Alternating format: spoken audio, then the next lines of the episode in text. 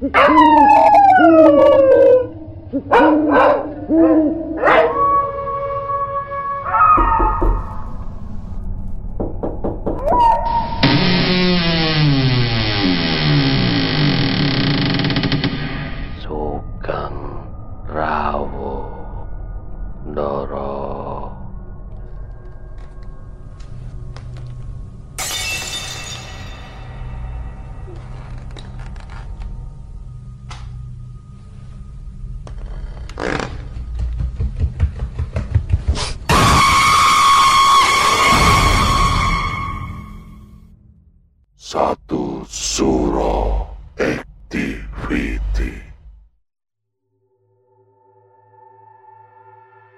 Assalamualaikum warahmatullahi wabarakatuh.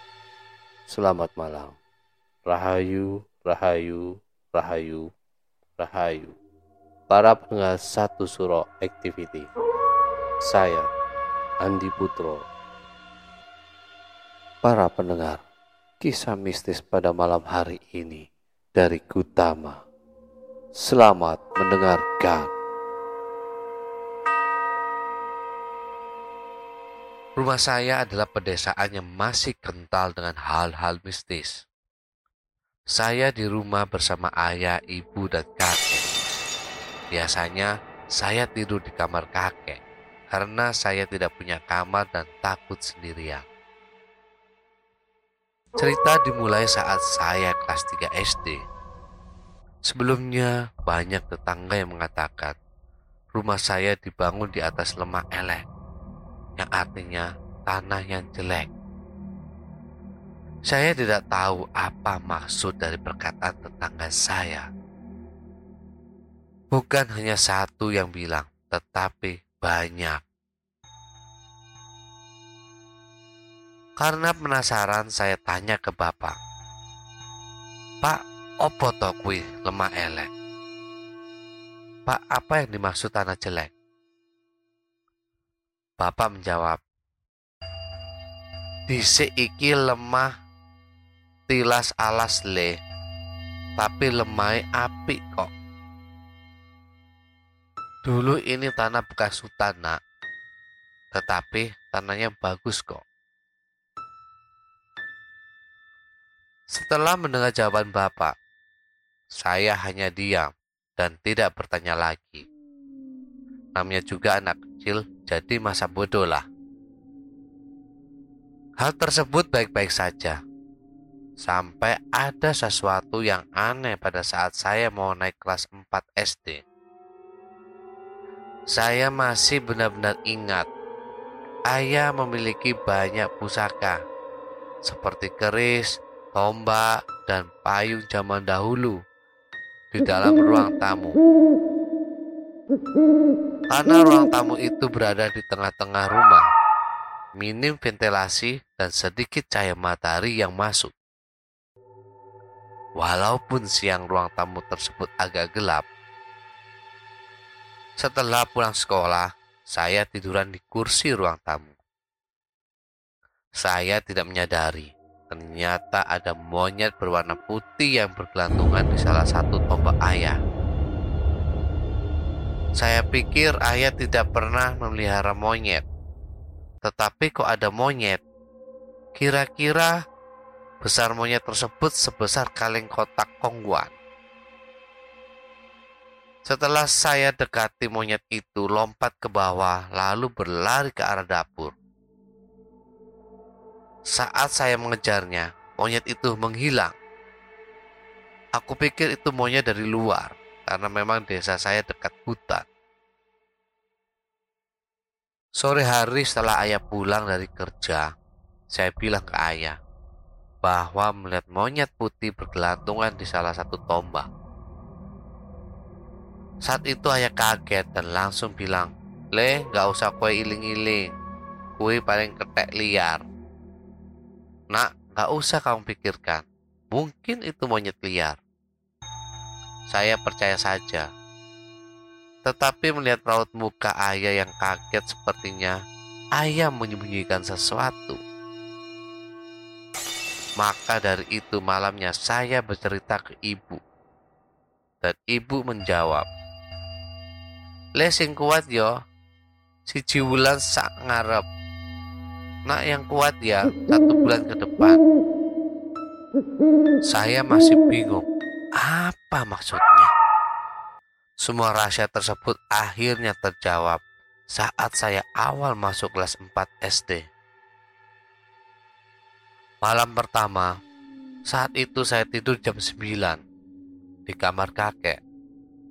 Kakek juga tidur di samping saya. Tapi entah kenapa saya terbangun pukul 1 karena mendengar orang yang memandai besi di belakang rumah saya. Teng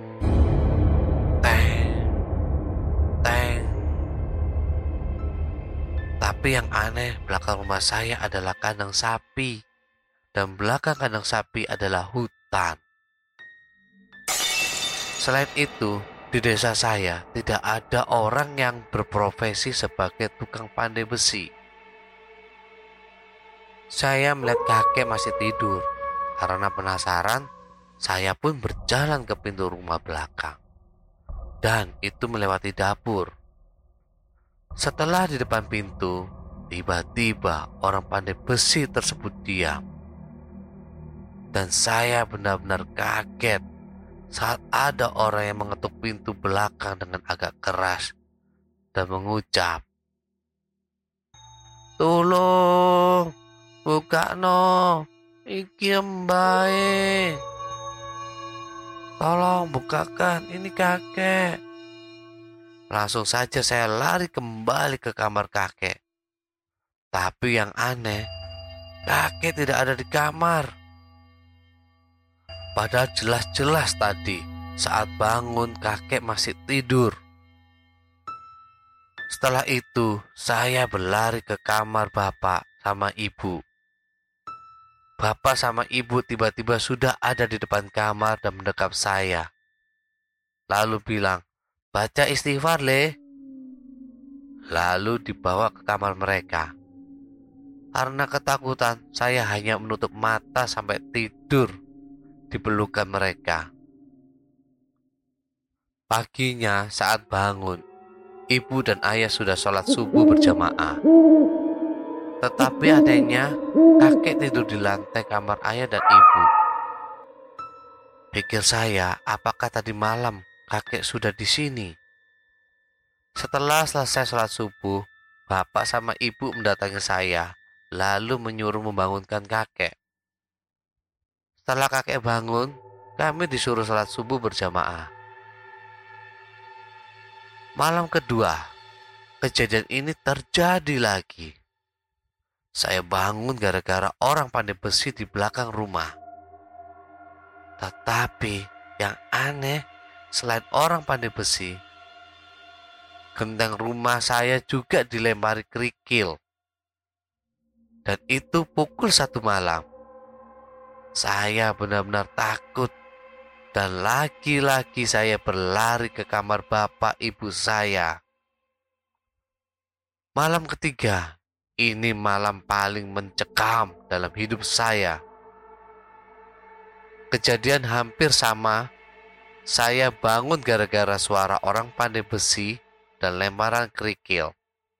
Tetapi saya bangun pukul 12 tepat. Bodohnya saya ketiduran di depan televisi di ruang keluarga sendirian. Saat saya bangun, saya sudah ketakutan. Dan saat mata masih belum terbuka sempurna dari dapur Tiba-tiba ada dua sosok. Satu sosok kakinya pincang, tubuhnya serba hitam, tetapi sangat tinggi. Sosok satunya membawa palu dan banyak darah yang keluar dari wajahnya. Tubuhnya juga tinggi besar. Baunya benar-benar amis. Saya langsung membatu di situ ingin teriak, tapi tidak bisa.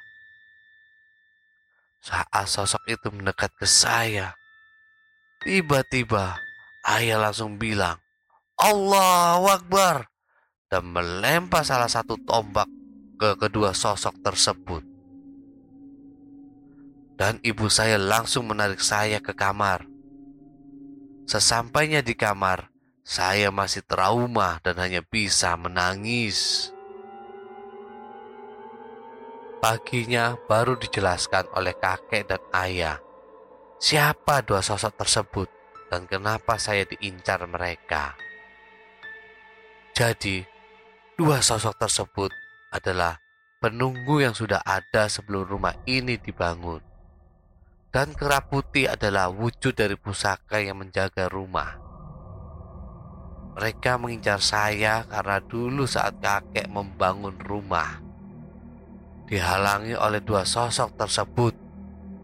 Karena kakek tidak takut dengan makhluk halus, maka kakek tetap membangun rumah dengan cara mengusir dua sosok tersebut dengan pusaka yang dipunyai kakek. Dua sosok tersebut tidak bisa masuk ke rumah karena ada yang menjaga. Tapi jika pusaka dari kakek melemah, dua sosok tersebut bisa masuk. Kalau itu terjadi, ya harus siap-siap. Alhamdulillah, sosok tersebut sudah tidak ada semenjak saya kelas 3 SMP. Entah kenapa, mungkin mereka menyerah karena pusaka yang menjaga rumah. Jadi intinya, makhluk halus itu benar-benar ada. Jika Anda tidak percaya, cobalah bersemedi di Gunung Kawi. Katanya sih, di situ tempat pesugihan dan banyak hal-hal mistis yang terjadi. Para pendengar satu suro activity. Itulah sebuah kisah mistis yang dialami oleh Gutama di waktu usianya masih duduk di bangku sekolah dasar kelas 3. Dia diperlihatkan seekor kerah putih yang merupakan isi kodam dari pusaka milik kakeknya. Setelah kejadian tersebut, banyak teror mistis gangguan secara gaib dan penampakan sosok hitam tinggi besar seperti genderuwo. Makhluk tersebut berhasil diusir oleh ayahnya dengan cara mengucapkan Allahu Akbar sambil melemparkan tombak pusaka yang dimilikinya. Kisahnya seram juga para pendengar. Semoga kita semua tidak mengalami hal tersebut. Jika mengalami, hendaknya memohon pertolongan kepada Allah. Para pendengar, apakah kalian pernah mengalami hal serupa? Tulis di kolom komentar. Terima kasih sudah mendengarkan kisahnya. Para sahabat satu suro activity, tinggalkan catatan doa kalian di kolom komentar, like, subscribe, dan bunyikan lonceng keramatnya. Para sahabat satu suro activity, tetaplah iling lan waspodo. Assalamualaikum warahmatullahi wabarakatuh. Salam, salam, salam. Rahayu, rahayu, rahayu. Sahabat